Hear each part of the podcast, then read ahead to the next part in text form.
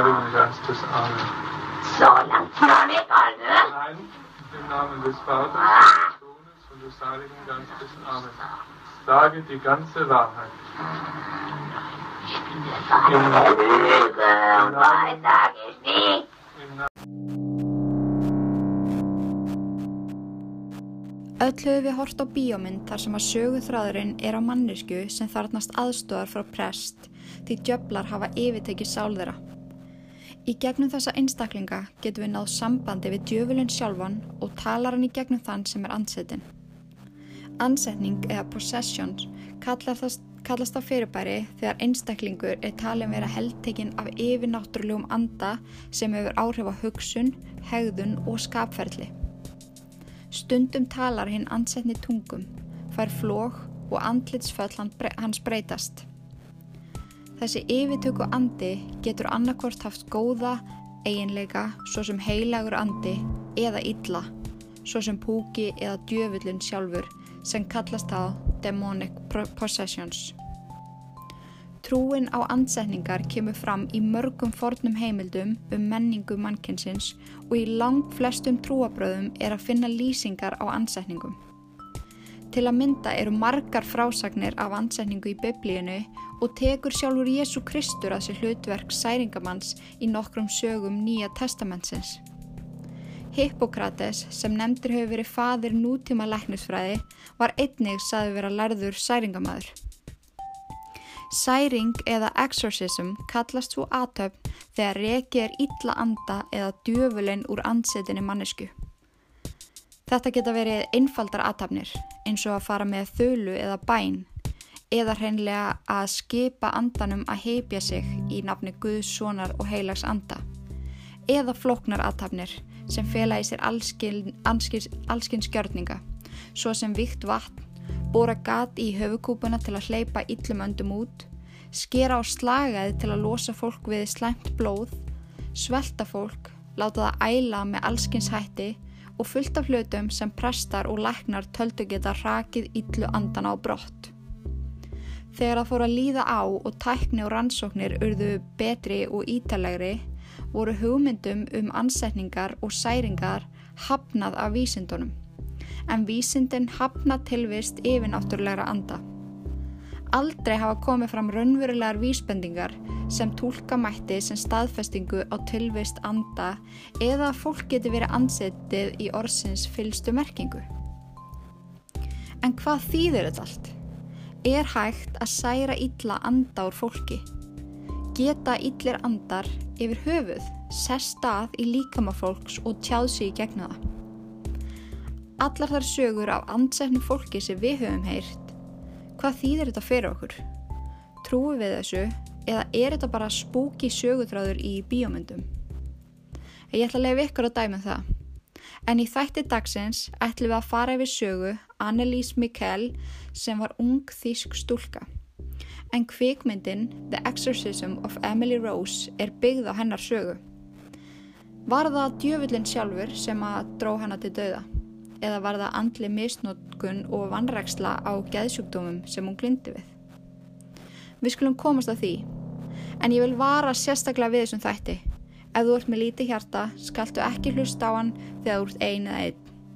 Ég mæli líka með því að hlusta á hann í dagspyrtu, en þetta er einn skuggulegasti yllverk þátturinn til þessa. Inga Kristjáns heiti ég, þáttastjórnandin ykkar, og hérna er málið The Exorcism of Annelise Mikkel. Gjör þið svo vel. Annelise Mikkel ólst upp á katholsku heimili í Bavaria vestur Þískalandi. Hún fættist árið 1958 og henni var líst sem hérna góðhjartaðri og skemmtilegri en á sama tíma mjög þögulli stúlku. Og ég hef googlað myndra en hún er bara voðsætt, dökkar stelpa með stutt hár og þvertopp og bara mjög trúið og svona 60's girl, fattiði mig. En hún fór með fjölskyldunum sinni í messu tvisar í viku og öll kvöld fór hún með bænina sínar. Þegar Annelise var 16 ára kom upp mjög skrítin atbörður uh, í skólanum upp hjá henni sem hún gati einhvern veginn ekki útskýrt. En í einni kennslistund í skólanum stóð hún skyndilega upp og byrjaði að ganga um stöf, stofuna hægt og rólega. Hún virtist ruggluð og ekki var hægt að ná neinu auksambandi við hana. Vinir hennar sem að urðu vittni að þessu lístu þessu atvikið þannig að Annalise leit út fyrir að vera í eitthvað skonar trans. Ég fann ekki betur orð fyrir það. Hún var bara í eitthvað neginn svona, hún starði bara út í annað. Þú veist, það var ekki að horfa í augun á henni, það var ekki að tala við henni, bara eins og hún væri eitthvað neginn svona, einmitt, í eitthvað trans ástandi. Og hún sjálf myndi svo ekkit eftir þessu. Ári síðar kemur upp svipar atbyrður. Þá vaknar hún upp úr miðjanótt og styrnar öll upp og hún gæti ekki sagt neitt eða hreift sig. Og þetta lýsir svo svolítið eins og hérna svona svefn lömun sem að nokkur, eða ég hef allan upplegað það og það er rosalega hræðilegt ástand. Þú ert einhvern veginn vakandi uh, í huganum en þú getur ekki hreiftið, þú getur ekki talað þú getur ekki kallað á hjálp og þú verður svo þú reynir, þú notar alla þína krafta í að reyna að vakna að hreyfa hendina eða eitthvað svo leiðis en þarna pissar hún undir og síðan upplifir hún fyrsta flóakastið sitt en þetta kast allt saman í heldina endist í um 30 mínútur þar til hún náði loksin stjórn aftur. Og þá hafði hún einhvern veginn ekki hugmynd um hvaði gest. Hún settist upp í rúminu, það var rennandi blöytt, hún var rúslega þreytt í líkamannum en það er, talið, það er sagt að fólk sem fæ flóakast er ofsalega þreytt eftir, eftir flóakastið og hún var alveg verið búin á því og hún einhvern veginn skildi ekkert hvað gerðist og daginn eftir á reyndun að útskýra fyrir fóldri sínum uh, atvikið sem hafi gæst hann um nóttina. En hún var þá sendið læknis sem að tók viðtal við hana og vísaði henni svo til taugalæknis. Því að hann einhvern veginn um leið og hann heyrði að hún hefði fengið flókast þá vildi hún vildi hann að hann færi til taugalæknis að því að þeir sjá um svoleiðis mál. Og hann greinir hana með flóaveiki sem gæti þá haft áhrif á minni hennar og hegðun. En það er í sömum tilveikum þannig að það getur haft áhrif á minnið en hún var svo síðar greint að því að þeir vildi hafa hana í svona á, hérna, áframhaldandi check-upi. Þannig að hún var greint með hérna, temporal flóaveiki sem getur einni valdið gesvænt heilkenni. En heilkenni er þannig að það, það fær fólk til að rjúka upp og beita áðbeldi og ekki endilega hérna líkamlega heldur líka andlu og bara reyta í fólk, þetta er bara einhvern veginn svona ofsareiði, garga og öskra og að heilkenni getur líka valdið því að fólk hægir sér á mjög óveðandi hátt svo sem kynferðislega en þetta kemur upp á milli flóakastana. Ok, um leiðu ég heyrði greininguna þessu þá fór ég strax að hérna, hugsa um myndina Exorcism of Emily Rose en þar koma einmitt upp svona kynferðislegar eða svona skrítin hérna kynferðisleg hérna svona kynferðislegi hluti sem voru óveðandi, fattuði mig Þannig ég ekkert neginn strax án þess að pæla mikið í því fór að tengja þetta saman. En Annelís fjekk þarna viðjandi meðferð og lif við greiningunum sínum og allt fór að ganga betur í þannig þennan stuttatíma eftir greiningu. Og þá skráði henni svo í háskólanám í Wurzburg árið 1973. En lifin endust ekki lengi og nokkrum mánuðum, eða já, voru tveir, tveir mánuðir eftir hún skráði sér í skólan þá fer hún að upplefa þessi kost aftur. Hún fer að lesa sér sjálf til um þetta allt saman en hún eitti mjög miklum tíma á bókasafni skólans og það fór svona laumastæðinni sá grunir og hún gæti verið ansettin af yllum öndum sem væri að reyna að senda eitthvað svona skilabóð. Og við verðum líka að muna að hún var mjög trúið, trúið og ástæður fyrir hinnum ímsu uppakomum mátti beintengja við kathólsku trúna að hennamati. Þannig að þarna fyrir hún að leita sér sjálf lækninga, veist, hún ítir til hliðar livjum og læknisaðstóð og, held, og leitar sjálf og heldur að hún geti kannski bara náð sambandi við þessa anda sjálf. En þarna finnur hún alls konar gamla sögur en eins og ég kom, kom fram á fyrst þá sko eru til sögur á ansendingum bara frá því fyrir Krist og þar er og þetta hefur einhvern veginn alltaf verið partur af mannkynsögni þannig að það hefur verið nóg fyrir hana að finna. En hún fer þarna að sjá djöfulinn bræða fyrir, um, eða það er allavega það sem hún sagði sjálfur sér úr fólkdra sínum. Hún sá hann bræða fyrir í speklum og rúðum og það er haldið að Annalís hafi fengið þá hugmynd eftir að hún sagt, las söguna um Bloody Mary, hvort að svo saga hafi einhvern veginn litað hennar huga um þetta allt saman. En Þið hafið kannski heyrt um Bloody Mary. En það er sem sagt út að standa inn á baðherbyggi og segja nafnið hennar þreysur í speilin og þá byrtist hún fyrir aftæðið. Það er mjög áhugaverð saga að þið viljið lesa hana en hún er líka mjög creepy en það er svona haldið að því að hún las hérna þessa sögu, hún leiði þessa sögu á bókasamlunum. En Annalís fór einnig að heyra í púkum kvísla í eirun á sér. Þeir sögðu henni að hún væri búin, búin að vera og hún myndi rótna í helvíti. Þegar hún bað á kvöldin urðu rattinnar sterkari og hávarari og þá hækkaði hún róminn til þess að reyna að yfirgnæfa það illa. En þarna fyrir móðurinnar að taka eftir þessari undalegu hegðun og óttast hún mjög mikið um dóttu sinna skiljanlega og ég get líka bara rétt trúa því að spáið breyði ef að ykkur sem býr með ykkur er inn í herbyggja að byggja ógeðslega hátt. Veist, það er alveg creepy þannig að þau hafa líka bara að vera útrúlega hrætt. En þau fara þarna að leita aðstofar hjá prestum í bænum og þeir vísa þeim bara í burtu. Veist, þeir hefðu ekki leifi fyrir svona lögu og þá þurfti alltaf að byggja biskupin e, í hverju kjördæmi sem er ekki kjördæmi í hverjum svona part hérna bæjarins þurfti það að fá sér, samþyggi fyrir að gera svona særingar að þetta var ekki eitthvað sem hérna prestar hlaupaði að gera. Og þau kvött hana til að leita frekar læknishjálpar út af hennar sögu af sjúkdómum. En eftir þetta, eftir að þau leita sér hennar hjálpar og er neitað þá fer hegðun hennar analýs vestnandi Hún sá djöfulinn, púka og drauga í öllum hornum og hún var svo hrætt og hún var farin að eigða öllum stundum inn í herbygginu sinu að byggja. Hún fór líka að taka upp alls konar svona manískar gjörðir sem voru mjög skrítnar til dæmis að á hverjum degi þá varð hún að hoppa 400 sinnum án þess að stoppa. Og síðan fór hún að skrýða mikið svona, þetta er svo creepy því hafið séð í öllum svona hryllingsmyndu þegar fólk síðan skrýður svona hérna sem gerð hrætt svona köngulágang og hún skreið þannig undir borð og fór að gelta. Og hún hérna beit hausin að dauðum fuggl og þetta voru veginn, þetta voru all hlutir sem að púkarnir og djöfullin voru að segja henn að gera. Síðan meigun og gulfið oft á dag og drakk það upp og svo neyta hún á endanum algjörlega að borða og drekka. En inn á milli var hún alveg eðlileg fattiði mig, en hún eitti öllum sínum tíma inn í herbyggi og fóldrana voru bara hvað, hvað er í gangi. En hegðunin og lifnarhátturinn fór auðvitað að hafa ótrúlega mikið áhrif á útleitið hennar. Hún var öllurðin marinn á njánum eftir að vera að byggja stanslust í marga klukkutíma. Það voru komið dökkir hringir í kringum auðunennar vegna næringaskorts og Annalís var orðin bara rosalega grönn því að hún alltaf bara neytaði að borða.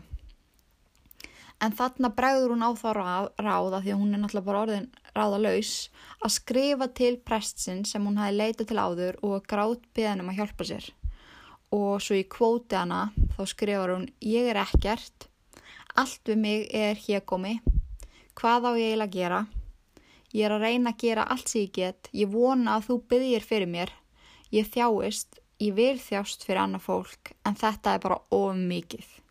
Þetta sendur hún til hans og hún fannst þetta skeiti ekki meika mikið sens, hún er einhvern veginn að segja bara svona random setningar og gera eitt hérna bref úr því, húst, þetta, þetta, hérna, þetta bref varði ekki svona einn heild. En þarna var hún alltaf bara orðin svona ruggluð eftir að hafa ekki borðað, eftir að hafa drukki piss, eftir að hafa verið loku af henni herbyggi, eftir að vera fann að trúa svona stert á þetta sjálf. Það, þú veist, hún var bara ekki með öllum jalla en en hérna svo kemur hann Bishop Joseph uh, Strangle en hann var sérst biskupinn þarna í, ég ætlaði aftur að segja kjördæminu, akkur líður mér sem var að segja það? Að því leiðir þetta mig. En hann fælst á hjálpenni og fekk með sér í lið Arnold Renz sem var presturinn í kirkjunni sem Annalís og fjölskytta hennar sóttu í hverri viku Hann fjálst á að særa úr henni illa anda með því skilirði að þetta færi fram í algjörum trúnaði. Næstu tíu mánuði vestnaði líðan Annalís og köstin hennar lengdust og lengdust. Það voru framkvæmdar 67 særingar sem endust sömar upp í fjóra klukkutíma. Hún var bundin niður, látin drekka alls konar seiði sem átt að búa yfir lækningamætti og krjúpa hvað eftir annan er á hnýjan til að byggja. Og í þessum sessjónum kom fram að Annalís hjælt að hún væri ansettin af fjórum djöblum. Fyrstur er það Lucifer sjálfur, svo Cain, svo Judas, svo Adolf Hitler, Hitler og endanum Nero. En allir þessi djöflar tóku yfir líkamannennar sitt og hvað og tjáðu sig í gegnum hana. Og allt þetta saman kom út eins og látt svona grál svona, úturinni. En ég ætla að vara eitthvað við því sem er að koma næst en ég ætla að lefa ykkur að heyra hljóðbrot úr særinga, með, úr særinga tíma sem að biskupin og presturinn tóku af Annabelle og þarna var teknin orðin svo að það var að taka upp og þeir tóku upp tímana með henni. Og ég ætla að leifa ykkur að heyra smá brot þannig að en særingarnar, já, já þau getur líka sé myndaraðum á netinu ef þau vilja fara út í þá sjálfa en þetta er tíu mínuna upptaka í heldina, ég ætla bara að spila smá bara til að leiða ykkur rétt að heyra hva, hversu ótrúlega fókt upp þetta er Rosenkranzmonat, weißt du ja, ne? Ja, Rosenkranz, aber die wenigste beten. die längste. Ja. Und in Kirche wird am allerwenigste gebeten, weil die ein Pfarrer ja das für Unmodern halte. Ja, Ja, alle, fast. Oh, die sind ja so blöd, wenn sie eine Ahnung hätten. Ah, aber was dürfen für die Rosenkranz? warum, warum, warum? Ja, warum? Ah,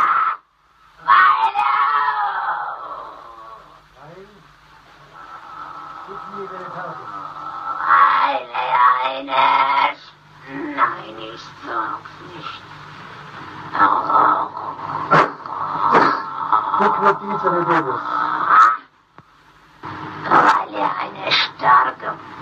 Oh, Halt's Maul! Ja, Weil er eine starke Waffe ist. Gegen ja, Satan ja, und alle Dämonen. ja, gegen uns. Ich muss es dir sagen.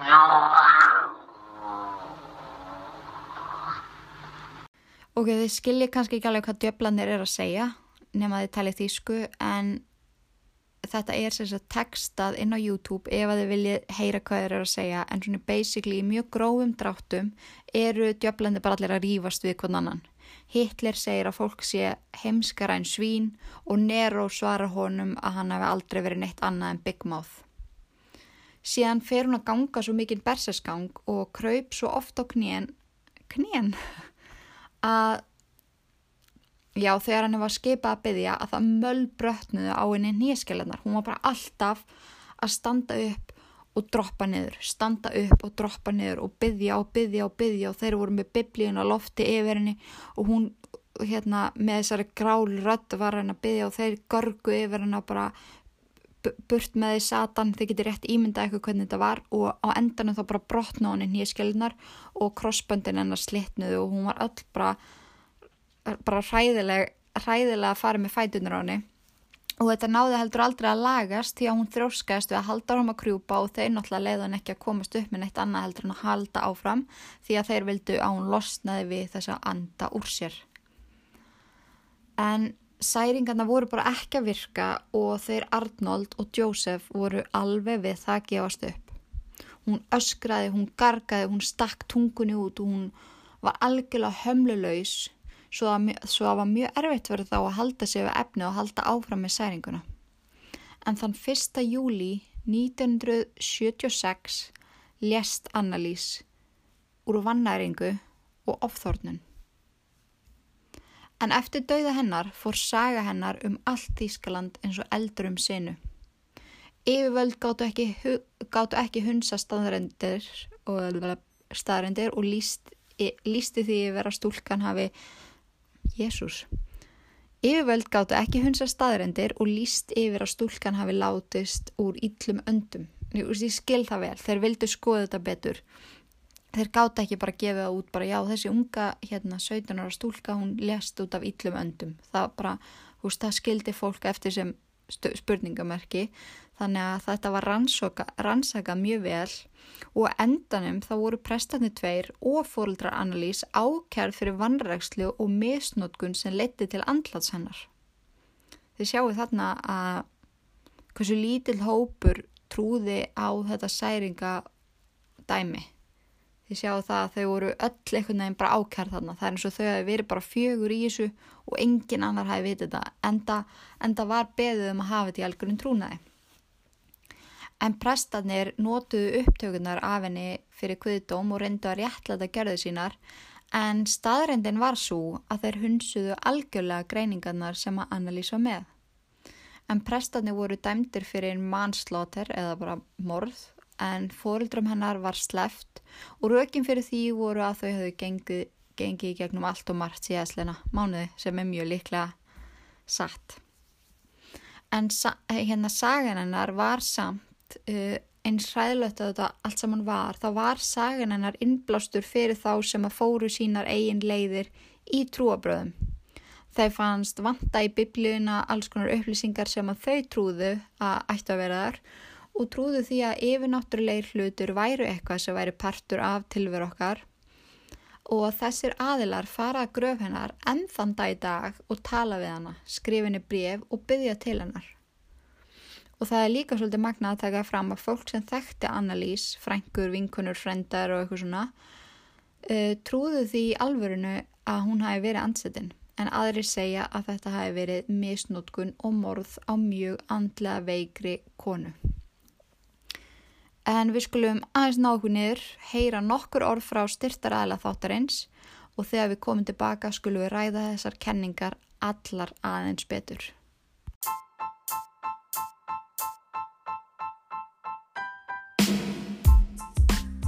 Vissið þú að með kóðanum Inga Kristjáns fær þú 15% afslátt af öllu inn á línbóti.is? Þú getur líka kíkt í heimsókn í nýja glæsela veslun þeirra að síðumúla átta og fengi góða og faglega aðstóð og ráðleggingar um hvað þið vantar og fengi svo líka 15% afslátt við kassan með kóðanum Inga Kristjáns. Ég, hver er þessi Inga Kristjáns eiginlega? Hágeðavörur og hámars árangur og við elskum það. Línbóti.is, þín markmið, þín grein. Velkomin tilbaka. En þeir eru mjög líklega búin að mynda ykkur, ykkur skoðun á þessu máli eða voru með skoðun á svona exorcism nú þegar. E, það að vera ansettin er bara eitthvað sem að maður heyrir mjög snemma á æfinni veist, ég hef sagt ertu ansettin síðan ég var tveggjára eitthvað, fyrsta orðið sem ég lærði eitthvað svo leiðis að þú veist, maður notar þetta orð oft bara í gríni ertu ansettin þegar maður er að rýfast við eitthvað að ég fatti eitthvað ég á við? Þetta er einhvern veginn orð sem er notað í mjög miklu svona lausleiti eða þannig. En en svo er einhvern veginn vittneskjan á bakvið uh, hvað er að vara ansettin það er einhvern veginn bakvið eira á manni en maður fer einhvern veginn ekkert lengra veist, maður er ekkert að spá í þessu. En þegar maður fer svo að ræði þetta við fólk þá skipta skoðinannar skoðanirnar algjörlega í tvær fylkingar, allavega þeir sem ég hef rætt við, en það er annarkvort fólk sem er bara, sem segir ansettið, fólk er að glíma við geðsjúkdóma, það er bara það, þetta er bara geðsjúkdómur sem er öntrýtaður og hinn er, en hinn eru bara já, að það að vera ansettið, það er til, djöðlinni til, draugar eru til, hú veist, fólk trúir eða trúir ekki, það er svolítið þannig, það er engin einhvern veginn mitt á milli. En eins og ég saði við ykkur í byrjun þá falla hugmyndir um ansetningar yngan veginn að heimsmynd vísindana, það er bara þannig. Þegar kemur að því að mæla eitthvað sem er ekki hluti af raunveru heiminum endar lögsaga vísindana og þjóðtrú og trúabröðu taka við, fatti. Trúin á ansetningar og særingar lifa þó ennþá mjög góðu lífi í nútímanum þó aðelega á svæðum þar sem hérna andatrú á sér djúbarætur eins og til dæmis í Afríku og Suður Asju en ef við spáum í því þá eru þessi staðir illa upplýstir. Þetta er fólk sem fær ekki að mikið upplýsingaflæði og við. En hún er svo líka þessi trú útbreytti einhverju mynd innan vissra trúabræða í hinnum vestrana heimi þó verulega hafi dreyið úr henni eftir til dæmis komu internetsins og alla þessara upplýsingar sem við fáum daglega beint í æð. Þannig að, hú veist, maður spyr sig, er, er það að trúa á þetta ykkur skonar ég ætla ekki að segja heimska, ég er að tala um allir að sé eitthvað skonar vanþekking. Þú veist ekki betur. En í dag, þá ótrúlegt en satt, þá starfa allnokkrar særingamenn innan katholsku kirkjunar á Vesturlöndunum en færri innan lúþen, lúþenskra kirkjudelda. En þekkt er að tíðni meintra ansetninga getur sveiflast eftir tískuströymum. Mér finnst þetta mjög góðu punktur. Það er mér svo að tala um það sko að áður en að þetta gerist með annalís þá er ekkert búið að, veist, það er ekki búið að vera mikið í vera að ræða eitthvað svona ansetningar, það er ekki búið að vera að fara neitt svoleiðis fram og, en svo gerðist þetta með hana. Síðan kom bíómyndin Exorcist sem kemur út annað 1973 þannig að þá kemur eitthvað svona tísku bylgja. Fólk horfir á myndina, fólk heyri söguna um annalís og fyrir að tengja. Bara já, ég er auðvitað ansettin líka. Þannig að þarna kemur aftur svona hreina og þá fyrir allt í einu að vera brjála að gera hjá prestum í hérna særingum. En spurningin hefur alltaf verið svo af hverju hefur The Exorcist uh, hefur þetta The Exorcist dæmi loða við okkur í allan annan tíma? Þótt að í rauninni engi fótu sér fyrir þessu í raunveruleikanum. Veist, við höfum í rauninni enga sannanir en í fyrsta lagi þá er það klálega þekking eins og ég sagði ykkur áðan þekkingin fyrir til dæmis geðsjúkdómum sem var lítil sem engin í, í gamla daga innan gæsalappa húst. Ég man ég átti þetta samtali pappa minn heitin. Hann er fættur 1953 uh, hann hefði orðið 66 ára í ár hann dó 2015 og, og hérna hann rætti við mig einu sinni, við vorum eitthvað tíma að tala um þetta, við vorum ekki að tala um andsetningu en eða særingamenn en við vorum að tala um geðsjúkdóma. Að því frá því að ég var úlingur þá hef ég að díla mjög mikið við geð, geðsjúkdóma og hérna hef alltaf verið frekar það, með það við fóruldra mína. Og hann var að segja mér fyrir svolítið löngu síðan að ef ég hefði verið krakki og látið eins og ég lét til dæmis á úlingsárunum mínum þá hefði ég verið send bara í eitthvað svona vist Húst, ég hef ekki verið álitin með öllum jalla. Þetta er svo ótrúlega, þetta er búið að gera svo ótrúlega hratt, þekkingin er að koma svo hratt að geðsjúkdómar fyrir hundra, nei, fyrir minna, fyrir 80 árum, þá voru geðsjúkdómar bara eitthvað, fólk var bara læst nýri kellara, svona seriously, það er bara brútal sannleikurinn. En, já, þannig að, já, smá út út úr, en pappi mitt saði þetta við mig og mér, þetta situr alltaf í mér, þetta er svo áhugavert, því í dag er þessu tekið bara sem hverjum er um sjúkdóm og allir eru trítaður og allir eiga sinn rétt, skiluru. Þannig að mér er þetta dásamlega náttúrulega þróun. En, þú veist, ok, ef við ræðum aðeins gamla daga áfram, þannig að þegar fólk var að sína sjúkdómsengjani eða sálfræðileg mein, þá var það ansetið. Fólk með flogaveiki, hundæði, túrætt, svefnrofa, lömun, svona skitsofrenik, allt sem að hefur áhrif á hegðun, hreyfingar og skapferðli til skemmri eða lengri tíma, þá bara vissi fólk ekki betur. Það vissi ekki hvað var aðeim, það vissi ekki akkur að var að hristast og þú veist eins og fólk með túrætt sem að, þú veist, fólk með kannski mjög slemt túrætt, það var bara ansittið af einhverjum djöfli, þú veist, það var ekkert, þau vissi bara ekki betur. Og það er mjög mikið að sögum um fólk sem er einmitt bara strappa niður í spennitreyjur, strappa niður í einhverja kjallara og haft bara það því fólk var hættu það. Um, já, eins og ég segi það um þetta, ég skrifa, ef ég hefði verið uppi á þessum tíma, hefði ég öruglega verið hérna, álitin possessed og geimt niður í kjallara. alveg sem ég var að segja ykkur að það er alveg klálega þannig, þú veist, þegar maður fer í eitthvað svona þungliðuskvöst eða eitthvað Ma, veist, það hefði ekkert verið litið eins á það í gamla dag, það hefði verið bara tekið mjög alvarlega hérna, ég hefði verið sett í spennitri en, en það er samt ennþá í dag, varst mjög áhugavert ég var að lesa um þetta að þóttum þetta sé kannski ekki eitthvað mjög mikið þeng í dag, þetta exorcist, veist, þetta er alltaf til, en það er ennþá í dag svona strangtrúaði fóreldrar í bandaríkjunum sem er að koma með börnin sín upp á bráðamóttöku sem voru kannski að fá fyrsta flóakastið sitt, hafði ekki verið greint með flóveiki og þau voru bara vissum að batnið er ansetið. Bara við þurfum að fá prest. En það má líka veltaði fyrir sér hvort að ansetningar hafi verið notað sem eitthvað skonar afsökun fyrir hegðun sem að þótt ekki samfélagslega æskileg, til dæmis kynneigð, neistla, vímöfna, áfengis og ofbeldi. Veist, ég las til dæmis dæmisögu frá móður sem átti dóttur sem svaf mikið, svaf mikið hjá gaurum skráði hjá sér fjöldan af mönnum sem hún svaf hjá í svona stílabók og var svona sína vinkon sem hún var mjög stolt að því og konan sem var alveg bara God have mercy, þú veist, var bara ekki ána með þetta og hún var alveg vissum að, að hérna, dótturinn að vera ansettin að einhverjum kynferðislegum djöfli. Þannig að það er líka gefið til, hérna, gefið til, gefið til. Það er líka, þú veist, talað um þetta orð einmitt svolítið svona frjálslega, alveg eins og ég var að segja ykkur á bara, hei, er þú ansettin? Þú veist, eins og þetta sé bara eitthvað orð sem enginn þekkir hérna skýringan á bakvið.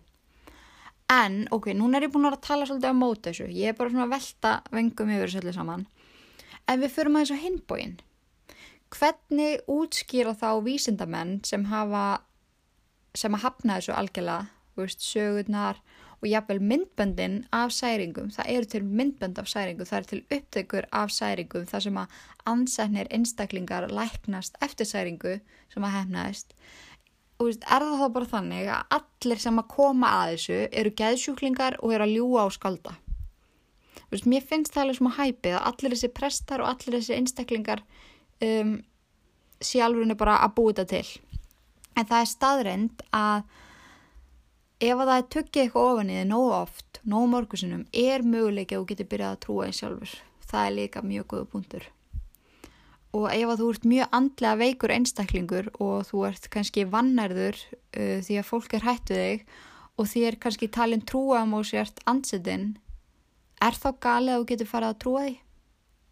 Annalís með greiningarnar sem að hún var með er möguleiki að hún hafi bara verið mjög veikona sem að átti engan sens. En það er alltaf velta þessu endala endalust fyrir sér og það er ekki að útiloka að þeir sem að telja sig ansetna finni fyrir ákveðnum líkamlegum bata eftir særingu því að þegar þú trúir nógu mikið. Þetta er bara alveg eins og þegar ég tekinn D-vitamin.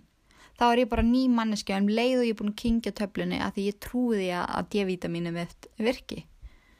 Og það múi líka færa rauk fyrir því að særingaatapnir fyrir tíma hafi verið eins, eins konar sálfræði meðferðir eins og við þekkjum í dag en rannsóknir sína eitt, e, sína það eitt að fara í viðtal hjá sálfræðingi eða lækni getur haft mjög jákvæð á, áhrif á helsunaðina og líðan. Bara, bara fara, bara fara og tala, þú kemur út og líður miklu betur.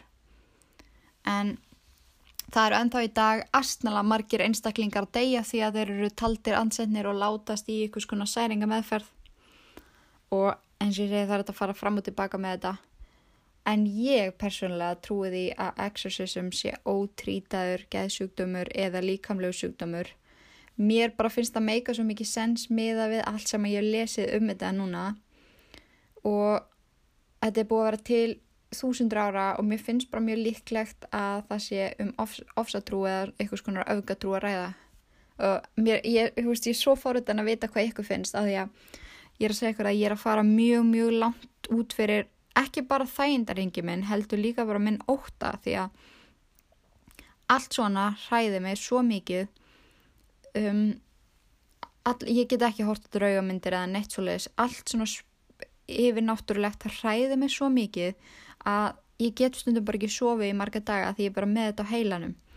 En það var mjög áhugavert að lesa sögunennar, veist, lesa greiningarnar hennar og allt þetta og mér finnst þetta einhvern veginn púslast svona saman í hausunum hausnum á mér að, að það er kannski meira bak við þetta heldur en er gefið til kynna. Og veist, í bíómyndum þá er náttúrulega ekki tekið fram neitt annað heldur en bara það versta og ógeðslegasta. En exorcism er klálega ógeðslega skeri ég veið ekki hana fúslega að klippan sem að ég seti inn í þáttinn ég, ég gæti ekki verið einin í herbíja klippa þetta inn í þáttin ég þurfti að hafa eitthvað hjá mér. Þetta, var, þetta, var, þetta er mjög creepy. Þetta er, þetta er ótrúlegt að hugsa til þess að þetta sé manneskja í þessu steiti að og trúur þessu í alveg þetta er bara, þetta er ógíslega creepy. En það er ótrúlega áhugavert að fræðast um creepy hluti. Og þótt að þetta hafi ekki verið morðingja saga eins og ég hef vun að gera þá getur við sett þetta þannig að hún var mögulega vannarð, hún var mögulega misnótu andlega og líkamlega af þessum prestum, af fórildri sinum. Maður veit ekkert hvað fór fram bak við lukta dyr. Af hverju var þetta svona mikið lindamál? Af hverju var hún svona rosalega illa farin? Þú veist, af hverju var hún, þú veist, lappirnar á henni, alla brotnar, andlitið á henni var í höng, hún var með svarta bauga. Þú veist, þetta, það er ekki eins og þetta kallið þetta bauga, það var eins og hún hafi verið barinn, sko. Þannig að, veist, það er klárlega eitthvað skonar illverk á baku þetta. En eins og ég segi, hlakka til að heyra hvað ykkur finnst. Þið eru mjög dögulega að segja mig það og eruð ótrúlega fróð um alls konar þannig að það potið ykkur sem er mjög fróður í, í þessu málum. En mér langar bara að þakka ykkur kærlega fyrir að hlusta. Takk fyrir að vera til og þanga til næst í Guðanabænum forðust öll ílverk nema þetta podcast, verið sæl